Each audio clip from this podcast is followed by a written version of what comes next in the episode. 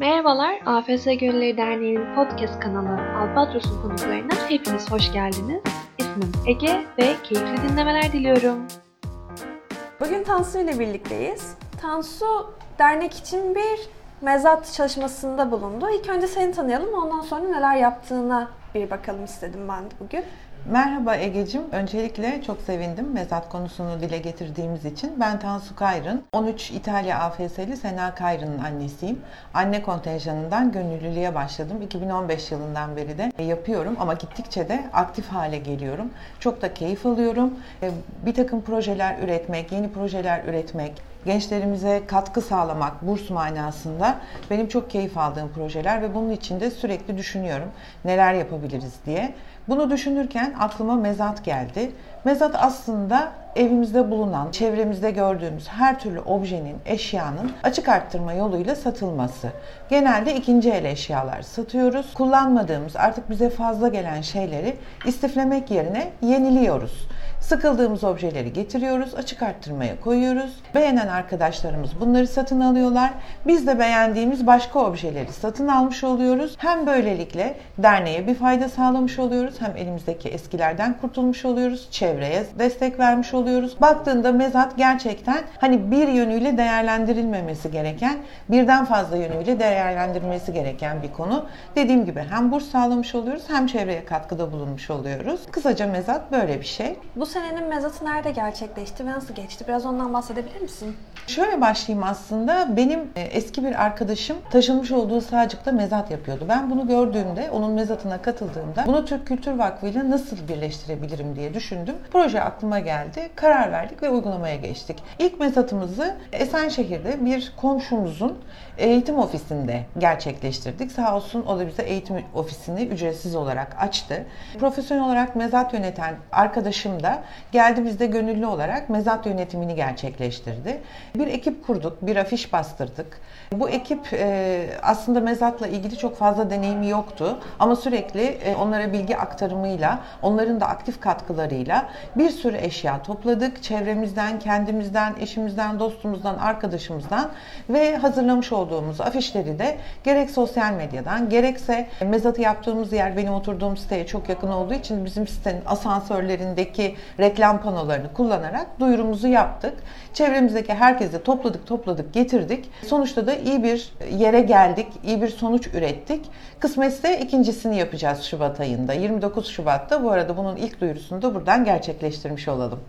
O zaman 29 Şubat'ta bunu dinleyicilerimizle de paylaşıyoruz. Sizleri mezatımıza bekliyoruz. Mezat peki nerede gerçekleşecek? Bu daha Gene aynı yerde gerçekleşecek Esenşehir'de. Şimdilik projemiz böyle. Aslında sürdürülebilir olması için ve bunun bir marka haline gelmesi için dikkat etmemiz gereken konulardan bir tanesi de bu. Düzenli gerçekleştirmek ve hep aynı yerde gerçekleştirmek ki beklentileri arttıralım. İnsanlar o tarihlerde orada mezat olacağını bilsinler. Duyulsun, yayılsın ve gelsinler. Gençler, herkes eşinizi, dostunuzu size kıra, kıramayacak olmayacak olan herkesi toplayın mezatımıza gelin. Çok keyifli oluyor. Çok eğlendik gerçekten.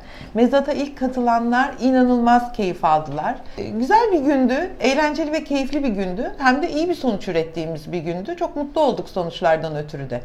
Peki şunu da bir daha sorayım. Hani bu mezatı ne için yapıyorduk? Bu mezatı aslında artı bir öğrenciye daha burs sağlamak hedefiyle yapıyoruz. Ee, ilk ana hedefimiz o.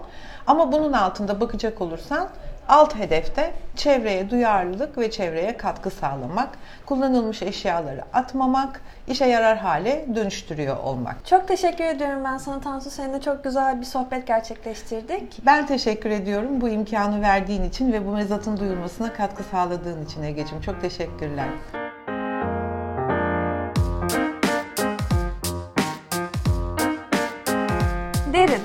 Seninle birlikteyiz. Hoş geldin. Hoş buldum.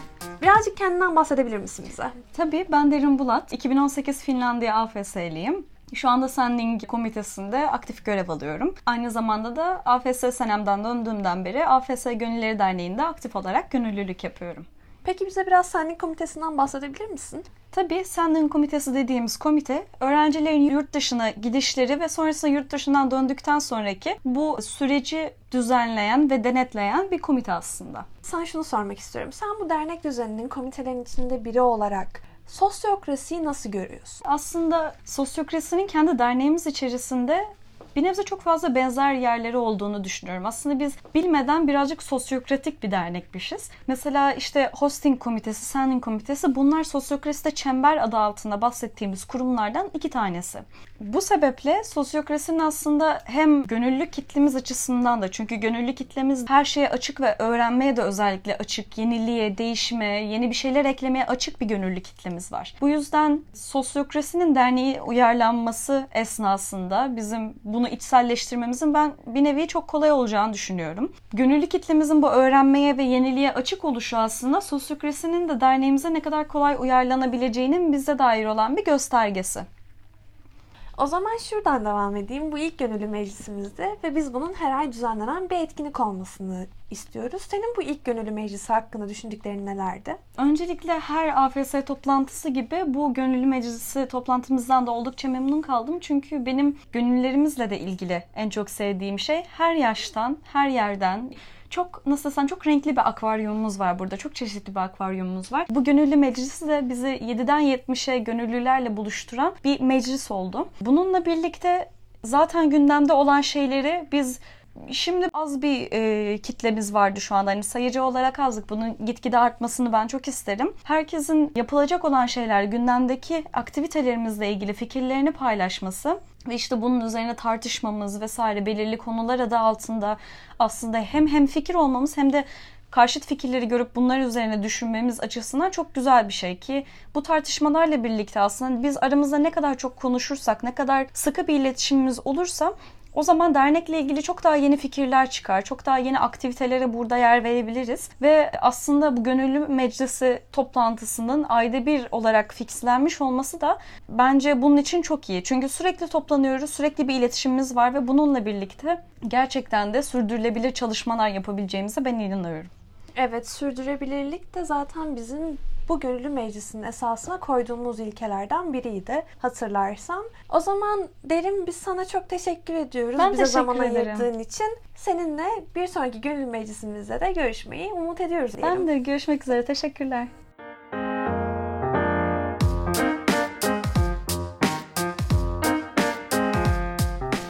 Evet şimdi de Barış'la birlikteyiz. Barış bize birazcık kendinden bahsedip sonrasında da neden burada olduğundan söz edebilir misin? Tabii ki. Ben Barış, Barış Basut. 19 Bosna Hersek AFS'liyim. Bosna Hersek'ten döndükten sonra kendi müzik hakkında büyük bir gelişim ve değişim olduğunu fark ettim. Ve bugün de burada Gönüllülük Meclisi'nde kendi müzik çemberimizi oluşturmak adına hedeflerim için geldim. Umarım bu oluşumun bir parçası olabilirim.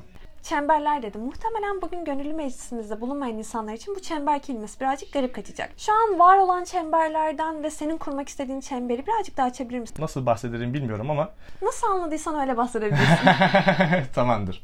Şu an bu çemberlerden birkaç tanesi İKA, mezat ve bir arada. Ve ben de bu çembere sanat hakkında bir şeyler katmak istiyorum. O yüzden burada bulunuyorum şu an. Peki bu çember kurulum aşaması nasıl gerçekleşiyor? Bu çember kurulum aşaması büyük bir gönüllüler, katılımcılar arasında fikirler sunuluyor ve bu ortak paydada katılmak isteyen ya da başka bir çembere katılmak isteyenler böyle seçiliyor. Sadece ben bu çembere katılmak istiyorum diyorsun Aynen öyle. ve katılıyorsun. Aynen öyle. Süper. Ben bugün bunu fark ettim ki bu gönüllü meclisimizde 19 arkadaşlarımızdan sadece 3 kişi buradaydı. Sence bugün konuşulan konularla daha çok insanlarımızı işte derneğimizde etkin kılma amacıyla gerçekleştirdiğimiz bu reformlarla daha fazla katılım gözlemlenebilir mi? Sen bu konu hakkında ne düşünüyorsun? Evet, bence bu çok güzel yöntemler keşfettik. Çok güzel yöntemler bulduk. Ve bunlardan bir tanesi iletişim. Bu konuları, bu çemberleri mümkün olduğunca yaymak. Biz buradayız, bizim gayelerimiz şunlar diye arkadaşlarımıza davet etmeliyiz. Çok teşekkür ediyorum Barış bana bu zamanını ayırdığın için. Ben teşekkür ederim.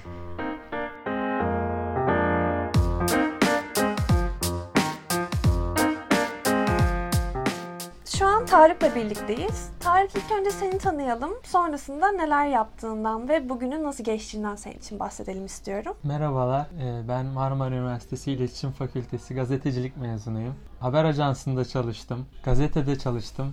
Şimdi de e, bir belediyenin halkla ilişkiler görevlisi olarak iş hayatımı yürütmekteyim. AFS'yi ilk önce arkadaşımdan duydum. E, arkadaşımın önerisiyle AFS'ye gittiğini söylediği için merak ettim. AFS nedir, ne değildir. Bundan sonra AFS'yi araştırdım. Sosyal medyada, Instagram'da AFS'yi buldum, gördüm orada. AFS sonra gördükten sonra e, Gönüllü Meclisi adı altında toplantı yaptığını görünce AFS'nin daha ne olup ne bittiğine dair içimdeki soruları gidermek amacıyla AFS'ye katıldım. Gönüllü meclisine katıldım. Peki bu konuda seni neler cezbetti? Hani buraya çekti, evet gönüllü meclisini gördün. Burada neler öğrendin? Birazcık bunlardan söz edebilir misin? Burada beni neler cezbetti? İlk önce burada beni ilkeler cezbetti.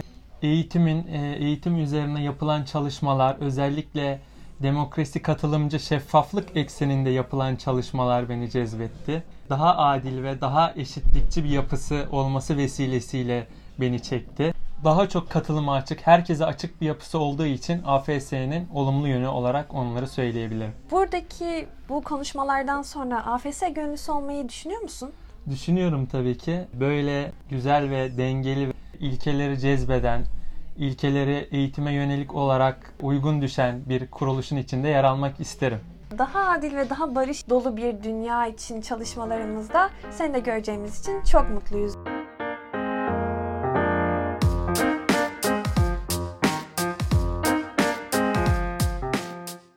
Şimdi 2007 Amerika AFS ile Alperen ile birlikteyiz. Alperen'i biz uzun süredir dernek çatımızın altında göremiyorduk. Özlemiştik. Alperen hoş geldin. Hoş bulduk. Neden geri geldin? Seni çeken neydi? Beni çeken neydi? Beni çeken aslında AFS'nin kendisi. 2007 yılında Amerika'dan Türkiye'ye ve AFS benim hayatımı değiştiren en büyük olaydı. Burada döndükten sonra gerek Amerika'daki ailemle veya işte oradaki bulunduğum bölgenin sorumlularıyla, oradaki arkadaşlarımla iletişimim hala çok yoğun seviyede. Onlarla sürekli görüşüyorum. Hatta bu yıl Amerika'daki ailemin çocukları evlendi, düğünlerine gittim. Çok yakınız, çok samimiyiz ve çok güzel bir iletişimimiz var. Türkiye'ye döndüğümde AFS'nin o temsilcilik görevini bireysel olarak yaptım. Ama bunu bir dernek halinde yani bir benim gibi AFS'li olmuş, gitmiş gelmiş, o tecrübeyi yaşamış insanlarla yani ortak noktamın çok olduğu insanlarla birlikte olup AFS'ye büyütmek, geliştirmek ve bir şekilde en ufak bir şekilde nasıl bir katkım olursa sağlamak için geldim. Bugün gönüllü meclisimizde bizimle birlikteydin ve burada bazı konulardan bahsettik ve bu konularda mesela uzun süredir AFS'nin dışında kalmış insanların tekrar AFS'ye ve derneğimize kazandırılması da var. Sana göre bu işe yarayacak mı? Ee, işe yarayacak mı emin değilim ama işe yaraması lazım. Yani bence benim AFS'nin dışarıdan izlenimiyle ilgili gördüğüm en büyük eksiklik 2007 yılında dönmüş biri olarak üzerinden 13 sene geçmiş. Bu bilgiyi teyit edememiştim ama zamanında bana dünyada Kızılaç'tan sonra en çok üyesi olan kurum AFS denmişti ama Kızılaç'ı hepimiz biliyoruz.